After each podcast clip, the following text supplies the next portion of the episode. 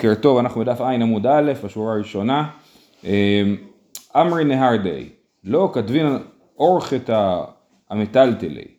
אורחתא זה כתב הרשאה, שיש נגיד אדם הפקיד אה, חפץ אצל חברו, יותר טוב, אדם גזל, כן, יש אה, אה, גזלן, שמעון גזל מראובן, ואז ראובן נותן הרשאה למישהו לגבות את הגזלה, כן? אז, אה, אז הוא נותן לו שטר אורחתא, שטר שבו יש לו אה, אה, סמכות, כמו ייפוי כוח כזה, כן? אה, אה, לגבות את הגזלה. אז אמר נהרדי לא כתבינן אורחתא המטלטלי, לא כותבים אורחתא המטלטלי. אמר ואשי מימר מאי טעמה, למה לא? אמר לי משום דרבי יוחנן, דאמר רבי יוחנן גזל ולא נתייאשו הבעלים, שניהם אינם יכולים להקדיש. זה לפי שאינו שלו, וזה לפי שאינו ברשותו. אז בעצם הנגזל, שהחפץ לא אצלו בידיים, יש לו בעלות חלקית על החפץ. לכן הוא לא יכול לכתוב אורכת על הדבר הזה. אם הוא בעצמו יבוא לדון, סבבה, יש לו את הכוח לדון מול הגזלן. אבל אם הוא רוצה לתת הרשאה למישהו על חפץ שלא בידיים שלו, הוא לא יכול לעשות את זה. זה אה, הלישנה הראשונה. אה, וזה גם קשר לסוגיה שלנו. איכא דאמר אמר נהרדי, לא כתבים אורכתא המטלטלי דקאפרי. תמא דקפרי דמיחזי כשיקרא, אבל לא כפרי כתבינן, כן? מת, על איזה, על מה, מתי אי אפשר לכתוב אור חיטה, מתי אפשר לכתוב כתב הרשעה? כאשר מדובר מטלטלין שהגזלן או השומר כופר בזה שזה הבעלים, כן? אז הבעלים לא יכול לכתוב שטר שהוא מחזיק כשיקרא, השטר הוא נראה כמו שקר מצד, ה, אה, מצד הגובה. אומרת, בתוך הדיון הזה, אחד אומר אני לא חייב לך כלום, והשני אומר אתה חייב לי, הוא לא יכול לכתוב על זה שטר על משהו שיש עליו ויכוח אם נכון בכלל, כי השטר עצמו יש בו צד שהוא נראה כמו שקר. אמ, אז איכא דאמר אמר נהרדי לא כתבינו אורכת המטלטלי דקפרי, תמא דקפרי, אבל לא כפרי כתבינן, אבל לפי הלישנה השנייה, אז כן אפשר לכתוב אה, אה, אה, על מטלטלי אורכתה, בגלל שהוא לא, כשרגע שאין פה ויכוח, אין פה שקר, אז אפשר לכתוב על זה שטר. ואמר נהרדי, אורחתא דלא כתב בי זיל דון וזכי ואפיק לנפשך, לית בי משאשא. אם הוא כותב לו אה, אורחתא, הוא צריך לכתוב לו, בוא בוא, יש פה כיסא, מי עוד? בסדר? יש, יש כיסא. אה, אה, אז הוא אומר, אה, אי אפשר לכתוב, בנוסח של ההרשעה צריך לכתוב זיל, דון, וזכי ואפיק לנפשך, כן? אומר לו, תלך תדון ותזכה ותוציא לעצמך. כאילו הוא אומר לשליח, אתה תהיה עכשיו כאילו בעלים על, ה, על מה שאתה דן עליו. Mm. למה הוא חייב לכתוב את זה? למה הוא לא יכול לתת לו ייפוי כוח בלי בעלות? אה, משום, מה איתם? משום דאמר ליאייך, לאו בעל דברים דדיאט. יבוא השליח למחזיק החפץ, והוא יגיד לו, מה? אין לי עסקים איתך בכלל. אז העסקים שלי עם פלוני, אני לא מוכן לדון עם פלוני אה, איתך כשהעסקים שלי עם מישהו אחר. ולכן הוא אומר לו לא יש לך עסקים איתי כי אני עכשיו בעל קניין בחפץ הזה. ולכן יש לך עסקים איתי ויש לי זכות לדון מולך. אמר אביי והכתיב בי למחצה לשליש ורביע מגודל משתי דינא על פלגה משתי דינא הכולה הוא לא צריך לזכות אותו בכל החפץ, הוא יכול לזכות אותו בחלק מהחפץ, להגיד לו אה, אתה יש לך בעלות על חצי מהחפץ וגם זה מספיק טוב, כי מגודל משתי דינא הפלגה, השליח יש לו זכות לעשות דין על חצי מהחפץ, אז יש לו גם משתי דינא כולה, אז הוא יכול לעשות דין על כל החפץ, וה, והנידון לא יכול, הנתבע לא יכול להגיד לו לאו בעל דברים דדיאט. אמר מימר, היא תפס לו מפקינן מיני. עכשיו, מה קורה, פה יש כמה גרסאות, אבל אה, אה, מה קורה אם השליח באמת אה, עשה את העבודה, תפס את החפץ, ועכשיו הוא אומר זה שלי, אתה כתבת שזה שלי, זה שלי. אז לא מפקין על מיני, אין מה לעשות, מה אם כתבת? כתבת. זאת אומרת, אתה כתבת את זה, לא כי התכוונת שהוא באמת ייקח את החפץ, כתבתי את זה כי רציתי, זה כמו מכירת חמץ, כן? אני עושה מכירת חמץ לא כי אני רוצה באמת למכור את החמץ לגוי, אלא כי אני רוצה שהחמץ אה, לא להפסיד אותו, כאילו, כן? אז גם פה אני עושה את המכירה, אני כאילו מקנה לשליח את החפץ בשביל שיהיה לו זכות לדון על החפץ. אבל בסוף בא הגוי ולוקח את החמץ, הוא אומר אין מה לעשות, נכון? כי מכרת אז מכרת, אז גם פה. אז הוא אומר, אי תפס, אה, לא, לא מפקינן מיני, אם השליח לוקח ואומר, עכשיו אני לוקח את זה לעצמי, אז אין איך להוציא ממנו. רב אשי אמר, כיוון דקתווי לי, כל דמטעני מן דינא קבילית עלי, שליח שביה. ואיכא דאמר שותף השביה. כן, אז הוא אומר, רב אשי אומר, שהוא כותב לו, בוא נסתכל ברש"י, אומר, רב אשי פליגה לידע מימר, כיוון דכתיב, קבילית עליי, עלמא שליח שביה, ילקח יתפס מפקינן מיני, מפקינן מיני, כן, אנחנו לפי הלישנה אה, הזאת. אה, כן, כן, אז רב אשי אומר לו, שהוא כתב לו, כל דמטעני מן דינא קבילית עליי, כל מה שיצא מהדין אני מקבל על עצמי, הבעלים כנראה כתב לו את הדבר, הבעלים כתב את זה לשליח, אז ממילא ברור שהוא שליח, למרות שהוא כתב לו שהוא נותן לו זכות בחפץ בשביל שיהיה לו זכות לדון עם, עם הנתבע, כן, עדיין ברור שיש פה יחסי שליח ומשלח, כן, ולכן השליח לא יכול לתפוס את זה ולהגיד זה שלי. אה, ויש כאלה שאמרו בדברי רב אשי, כדאמר שותף השווה, כן? זאת אומרת, יש כאלה שאומרים שהבעלים מינה את השליח לשליח, ויש כאלה שאומרים, למרות שהוא כתב לו שהוא מקנה לו, ויש כאלה שאומרים, יקדה אמר, יש נוסח אחר בדברי רב אשי, שהוא מינה אותו לשותף. וכיוון שהוא מינה אותו לשותף, אז גם, אז השליח לא יכול לתפוס הכל, בוודאי, הוא יכול לתפוס אולי חלק. למאי נפקמינה? למיתפס פלגה. כן, באמת, אז הנפקמינה יוצאת היא לתפוס חלק מה, מהחפץ, שלפי אם הוא עשה אותו שליח הוא לא יכול לתפוס כלום, ואם הוא עשה אותו שותף הוא כן יכול לתפוס חלק. והלכתה שליח שבי, והגמרא מכריעה שהוא שבי שליח והוא כן יכול. ואז יוצא לכאורה, כן, שיש פה מין משחק כפול כזה, הוא מקנה לשליח את החפץ, אבל לא באמת. הוא מקנה לשליח את החפץ מספיק בשביל שלשליח יהיה זכות לדון בחפץ מול הנתבע, אבל לא מספיק בשביל שהשליח אחרי זה יוכל להגיד זה שלי, כן? אז זה, אה, ככה יוצא פה המסקנה. אה, יש דבר דומה לזה דרך אגב בהלכות ריבית, יש איזה טריק שעושים בריבית שלא ניכנס אליו, אבל uh, יש תשובת uh, צמח צדק, צמח צדק הקדמון, הראשון, לא הצמח צדק של חב"ד, והוא כותב, uh, ושם גם כן, הוא רוצה לעשות איזה תרגיל, וה, והלווה עושה, עושה לו תרגיל חזרה כאילו, כן, אה, אנחנו עושים תרגיל אז עד הסוף, כאילו, אז הוא אומר לא, את התרגיל שעשינו זה רק היה בשביל להיפטר מלכות ריבית, לא היה באמת כאילו, אז, וזה טוב מספיק ללכות ריבית ולא טוב מספיק בשביל עכשיו שתוכל לטעון, כן, זה כמו, זה כמו אה, כל הנושא של היתר עסקה, היו כמה וכמה, בהיסטוריה של מדינת ישראל, היו כמה, יש היתר עסקה מול הבנק, היתר עסקה אומר שאני והבנק שותפים ברווחים ובהפסדים, לכן אני מביא ריבית לבנק, כי אני שותף איתו ברווחים, אבל מה קורה אם יש לי הפסדים? אז אני אומר לבנק, תהיה שותף איתי גם בהפסדים, אז היו כאלה שתבעו את הבנק בגלל היתר עסקה, וביקשו שהשותף, שהבנק יהיה שותף בהפסד, כן? וכמה פעמים בית המשפט דחה את הדבר הזה ופסק ש, שזה לא עובד. כן? ואז באו כל מיני רבנים ואמרו, אה, הסימן שהיתר עסקה הוא לא אמיתי, אם הוא לא אמיתי אפשר לעשות אותו, כן? אבל הנה אנחנו רואים שאפשר לעשות דברים לא, לא אמיתיים והם עובדים בכל זאת. אה, אוקיי, הלאה, משנה בדף עין עמוד א', אומרת המשנה, גנב על פי שניים וטבח ומכר על פיהם או על פי שניים אחרים, משלם תשלומי ארבעה וחמישה. זאת אומרת יש לנו גנב עם שני עדים שיראו אותו גונב, אחרי זה שני עדים שראו אותו טובח או מוכר, אז הוא משלם ארבעה וחמישה. לא צריך שזה יהיה אותם עדים שאומרים, עושים עדות על הכל. כן. אה, גנב ומכר בשבת, גנב ומכר לעבודה זרה, גנב וטבח ביום הכיפורים, כל המקרים האלה המשנה תכף תגיד שחייב ארבעה וחמישה, כן? אז גנב ומכר בשבת, אבל אם הוא גנב ושחט בשבת, הוא לא חייב ארבעה וחמישה בגלל שהוא שחט בשבת, הוא חוקים לבדי במיני, הוא חייב מיתה על זה שהוא שחט בשבת, ולכן הוא, הוא יהיה פטור מארבעה וחמישה, הוא יהיה חייב כפל אולי, אבל תלוי אם הוא גנב את זה גם בשבת, אז גנב הוא מכר בשבת חייב ארבעה וחמישה, גנב הוא מכר לעבודה זרה גם כן חייב ארבעה וחמישה, כי זה שהוא מכר לעבודה זרה אין בזה עונש מוות, אין בו קימלי בדרה במיני. המשנה בדף ע"ה כאילו מראה את ההפך ואומרת אם הוא גנב ושחט לעבודה זרה אז זה הוא חייב אה, עונש מוות והוא יהיה פטור מארבעה וחמישה. גנב וטבח ביום הכיפורים, ביום כיפור אז אפילו אם הוא שחט הוא כן חייב לשלם, למה? כי ביום כיפור אין עונש מוות על מי שמחלל יום כיפור, אלא עונש כרת, כאילו עונש פחות חמור מחילול שבת, חילול יום כיפור זה פחות חמור, לפחות זה עונש, וזה גם לא עונש בידי אדם, זה עונש בידי שמיים, ולכן אה, אין פוקים לבדי רבא מיני, והוא חייב לשלם ארבעה וחמישה.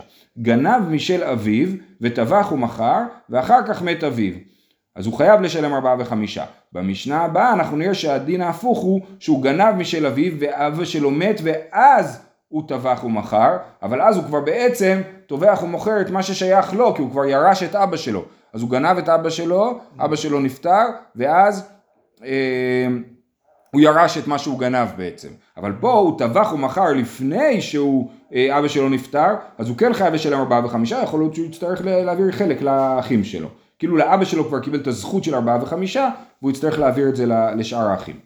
אה, גנב וטבח ואחר כך הקדיש, משלם תשלומי ארבעה וחמישה, הוא הקדיש את הבשר, כן, מה, מה, איך, מה זה אומר להקדיש בשר, אז הוא לא מקדיש אותו לקורבן, הוא מקדיש את הכסף שהוא שווה. אה, אז הוא כן משלם תשלומי ארבעה וחמישה, שוב בניגוד למצב שהוא גנב והקדיש ואחר כך טבח, שהוא לא משלם ארבעה וחמישה, גנב וטבח לרפואה או לכלבים, הוא לא, גנב, לא שחט את זה לאכילה, הוא שחט את זה להביא לאוכל לכלבים, אבל אז הוא צריך לשלם ארבעה וחמישה, למה? כי הוא שחט את זה שחיטה כשרה, כן? הוא לא תכנן לאכול את זה, אבל אם הוא פתאום היה משנה על דעתו, הוא היה מחליט לאכול את זה, אז הוא היה יכול לאכול את זה. הוא שחט את זה שחיטה כשרה, כן? אז הוא גנב ושחט. בסוף, אז הוא חייב ארבעה וחמישה, גם הוא הביא, לכל, הכלבים אכלו הכל, כן?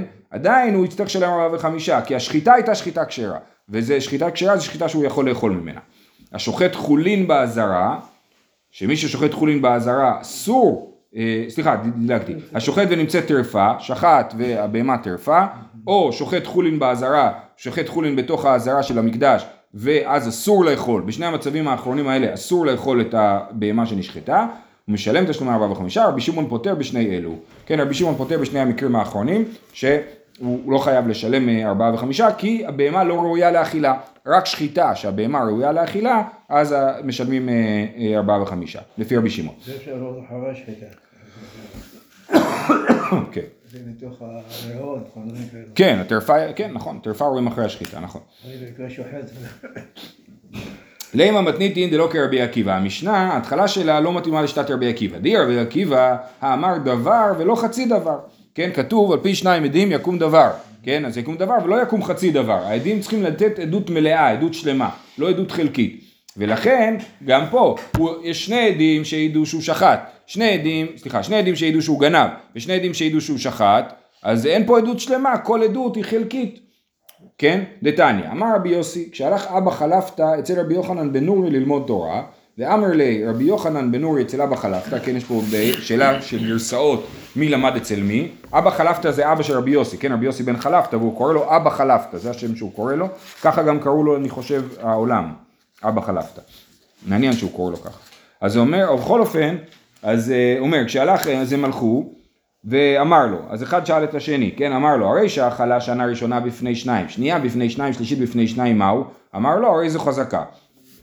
יש לנו חזקת שלוש שנים, יש לנו אדם גר בבית שלוש שנים, בא מישהו ואומר לו זה הבית שלי, אני הייתי פה, כולם יודעים שזה היה הבית שלי, אתה גר פה שלוש שנים בלי רשות, תעוף מפה. אז הוא אומר מה פתאום, אני גר פה שלוש שנים, קניתי את זה ממך, ולכן זה שלי. אומר לו תביא את השטר, אומר בגלל שאני גר פה שלוש שנים אני לא צריך להביא שטר. את זה אנחנו נלמד בפרק חזקת הבתים בבבא בתרא.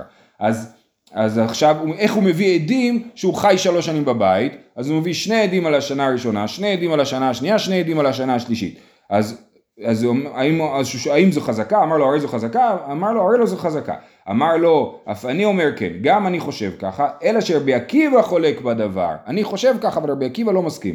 למה? שרבי עקיבא אומר דבר ולא חצי דבר. כן, העדים מעידים פה עדות שהיא חצי דבר, עדות שאין לה, היא, היא לא שלמה. אמר אביי, אפילו תימא רבי עקיבא, זאת אומרת נכון שרבי אה, עקיבא חושב שאי אפשר להביא עדים של שלוש שנים, העדים צריכים להיות אותם עדים על שלוש שנים. אבל במקרה שלנו, של המשנה, שהוא גנב ואחרי זה שחט, שאפשר להביא שני זוגות עדים נפרדים. למה?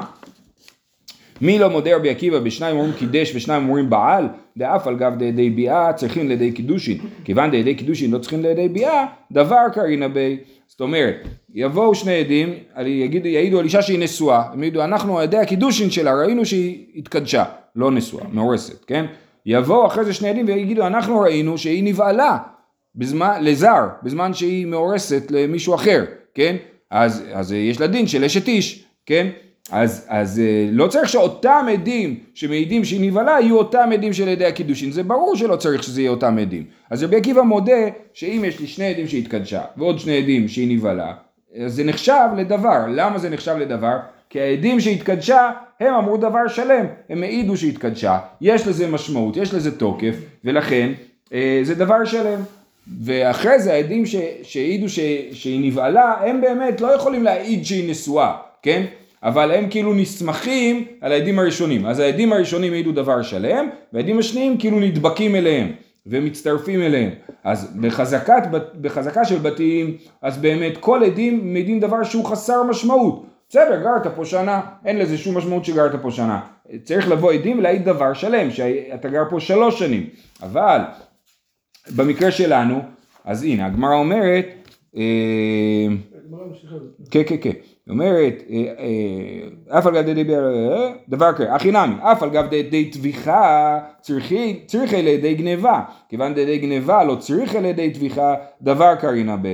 זאת אומרת, נכון שהעדים שמעידים שהוא שחט את הבהמה, סבבה, יכול להיות שזה הבהמה שלו, מי אמר שזה לא שלו? אז הם, הם, זה חסר משמעות מה שהם מעידים. אבל העדים של הגניבה זה כן משמעותי, כי כבר כשהם העידו שהוא גנב הוא צריך לשלם תשלומי כפל. אז לכן העדים של הגניבה זה דבר שלם, והעדים של הטביחה נדבקים לעדים של הגניבה. אז לכן אביי אומר, למרות שרבי עקיבא אמר דבר ולא חצי דבר, במשנה שלנו הוא מודה שזה נחשב לדבר שלם, כיוון שהעדים על הגניבה הם דבר שלם. אוקיי, שואלת הגמרא רבנן, היי דבר ולא חצי דבר למיעוטי מאי? מה רבנן לומדים מדבר ולא חצי דבר? למיעוטי, אחד אומר אחת בגבה ואחד אומר אחת בקרסה. יש פה שאלה על, על ילדה אם היא כבר אה, בוגרת או לא בוגרת. אז צריכים, ש... אז מי, מה מגדיר אותה כבוגרת? שיש לה שתי שערות, ב, אה, כן, במקום הערווה. אז, אז אה, אחד אומר אחת בגבה ואחד אומר אחת בקרסה. אז הרב שטיינזלץ כותב שלא מדובר באמת על הגב והקרס, כי זה לא מקום הערווה, אלא איזה, איזשהו רמז בלשון נקייה ל, אה, למקום הערווה. אז עד אחד אומר, היה, אני ראיתי שערה אחת במקום מסוים, ועד אחד אומר, אני ראיתי שערה אחת במקום אחר, כן?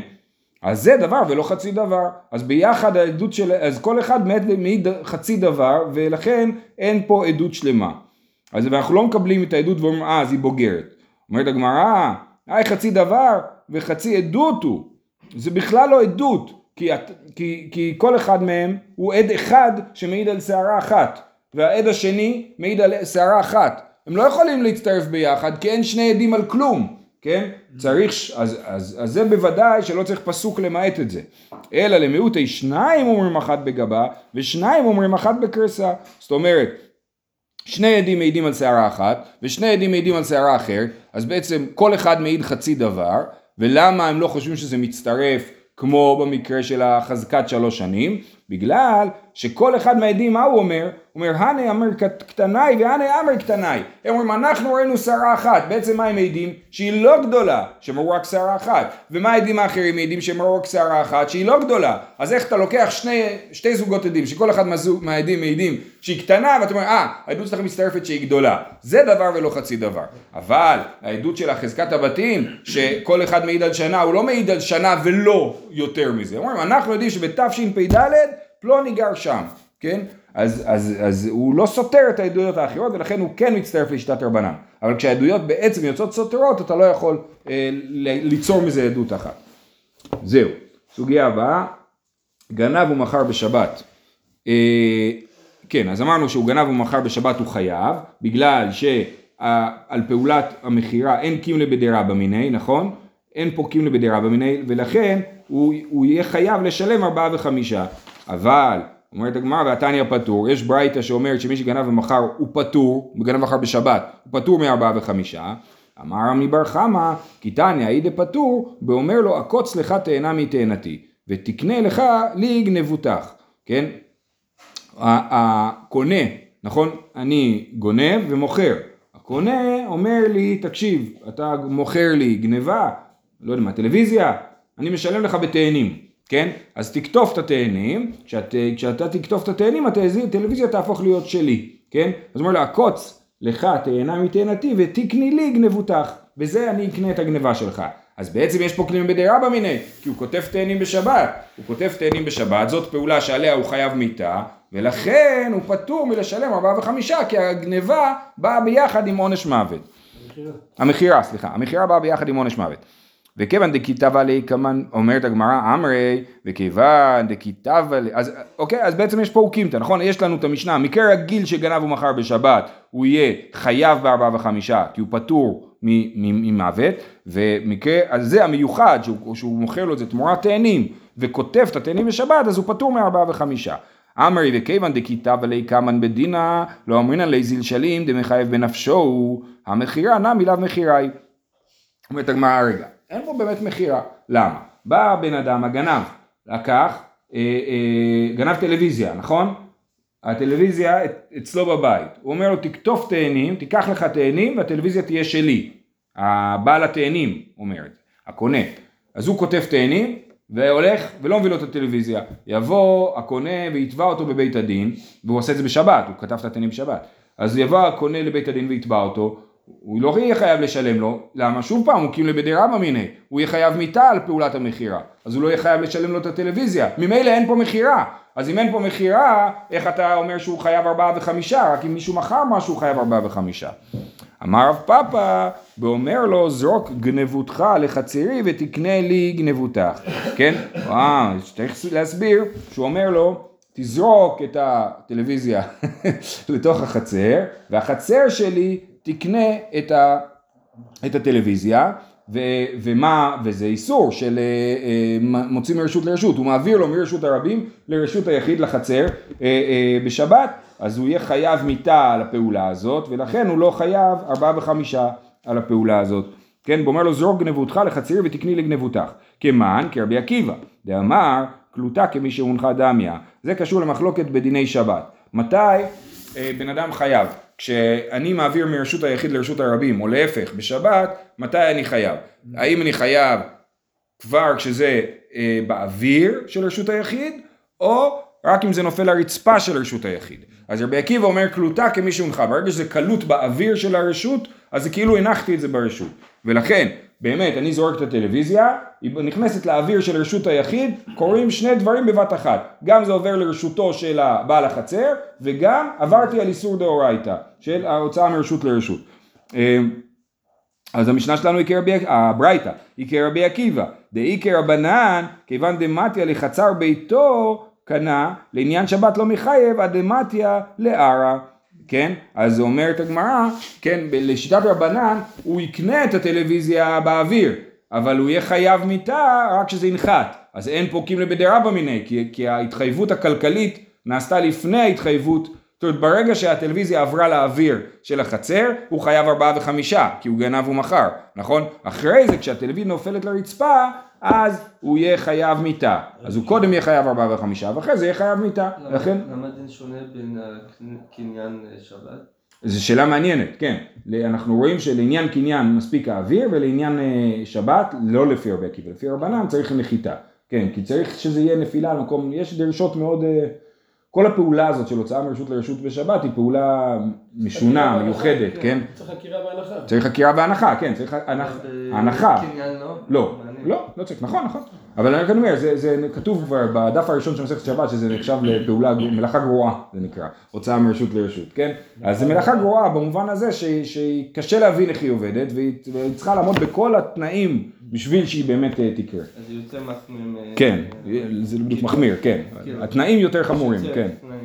אוקיי, אז זה היה, אז אמרנו המשנה היא דווקא כרבי עקיבא, אומרת הגמרא לא, באומר לא תקני לגנבותך עד שתנוח. אפשר להסביר את המשנה, את הברייתא שהוא פטור כרבנן, כשהיה, זה היה התנאי ביניהם. הוא אמר לו מי, מי יקנה לי? יקנה לי הרצפה של החצר תקנה לי. ואז באמת הקניין והמלאכה נעשו, נעשו כאחת. אוקיי, רבא אמר לעולם כרמי בר חמא, בואו נחזור לרמי בר חמא. רמי בר חמא דיבר על מקרה שהוא קונה את הטלוויזיה תמורת תאנים, ואמרנו אבל הקונה לא יוכל לתבוע את המוכר, את הגנב המוכר, הוא לא יוכל לתבוע אותו, כי זה כאילו בדי רבא מיני. אמר רבא זה לא משנה. אתנן אסר התורה, ואפילו בעל אמו. והתאווה לי כמן בדינא מי אמרינן לי קום הבלה אתנן, אלא אף על גב דקי כתב עלי בדינא לא אמרינן זיל הבלה, כיוון דקי יהיב לה הווה אתנן, החנמי וכולי. אז נתחיל מהעניין של הזונה. כן, יש דין של אתנן זונה, אסור להביא אתנן זונה, את התשלום של הזונה, הזונה לא יכולה להביא את התשלום הזה בתור קורבן, כן, לא יכולה לקנות בזה קורבן לבית המקדש. עכשיו, אדם בא על אמו, כן, לא עלינו, ובתור זונה, והוא משלם לה על זה, אז היא לא יכולה להביא את זה בתור קורבן, זה נחשב לאתנן זונה. אה, למה זה נחשב לאתנן זונה? הרי אם האימא שלו תתבע אותו ותגיד לו לא שילמת לי, אז תחשבו על יהודה ותמר, אם היו דנים מדיני התורה, כן? הוא בא על כלתו, על... טוב, לא יודע, זה מקרה מסובך יותר, כי אתה הביאותו, אז לא ניכנס לזה. אבל בכל אופן, אז, הוא, אז היא תובעת את, את הבן שלה על האתנן, הוא לא יצטרך לשלם לה, כי הוא חייב מיתה על מה שהוא עשה, הוא בא על אמו, אז הוא לא צריך לשלם לה על זה. ועדיין, אם הוא כן נתן לה את האתנן, האתנן יהיה אתנן. אז למרות שהיא לא יכולה לתבוע את זה בדין, עדיין יש לדבר הזה את הגדר של הדבר. אותו דבר עם הטלוויזיה והתאנים. למרות שהוא לא יכול לתבוע את הטלוויזיה, אבל אם הוא נתן לו את הטלוויזיה, אז הוא גנב. אז הוא גנב ומכר, כאילו, אז הוא מכר, כן? אז למרות שהוא לא יכול לתבוע את זה, זה עדיין נחשב למכירה. אז בואו נקרא את זה עוד פעם. אתנן עשרה תורה, אפילו בעל אמו. ואי תבע עלי קמן בדינה, מאמרינן ליקום הבלה, אתנן, לא, נתן, לא נגיד לו לשלם לה בגלל שהוא חייב מיתה. אלא אף על גב דקי כתב עלי בדינה לא אמרין לי זילהב לה, למרות שלא אומר לו תיתן לה, כיוון דקי יהיב לה, הווה אתנן. אבל עדיין אם הוא כן נתן לה, למרות שלא היינו מכריחים אותו לעשות את זה, אז זה נחשב לאתנן. הכנמי. אף על גב דליין תשלומין, יתבע בדינה קמן לא אמרין לי זיל שלים. אנחנו לא נגיד לגנב שמכר את זה לפלוני, אה, לך תשלם לו. אפילו אחי, כיוון דקמקנה לי באחי, הביא המכירה. למרות שאנחנו לא נוציא את זה ממנו בדין, עדיין זה נחשב למכירה, זה היה הסיכום ביניהם. הם סיכמו שהוא מוכר לו את הטלוויזיה תמורת התאנים, ועכשיו אה, אה, זה מכירה, זה מה שקרה פה. אחרי זה הוא התעקש, הוא, הוא, הוא, הוא לא עמד בתנאים כאילו, אבל הוא עשה את המכירה, ולכן זה נחשב שהוא גנב ומכר. ויש לנו שני עדים שמעידים, מה הם מעידים? הם מעידים ששמעו אותו אומר לו, אם תקטוף את התאנים, אני אקנה את הטלוויזיה, כן? זה מה שמעידים. ואז הוא חייב, אה, ארבע, ואז הוא יהיה פטור מתשלומי ארבעה וחמישה, בגלל שהוא חייב מיתה על קטיף התאנים. זהו, נעצור פה שיהיה כולם חודש טוב, יום טוב.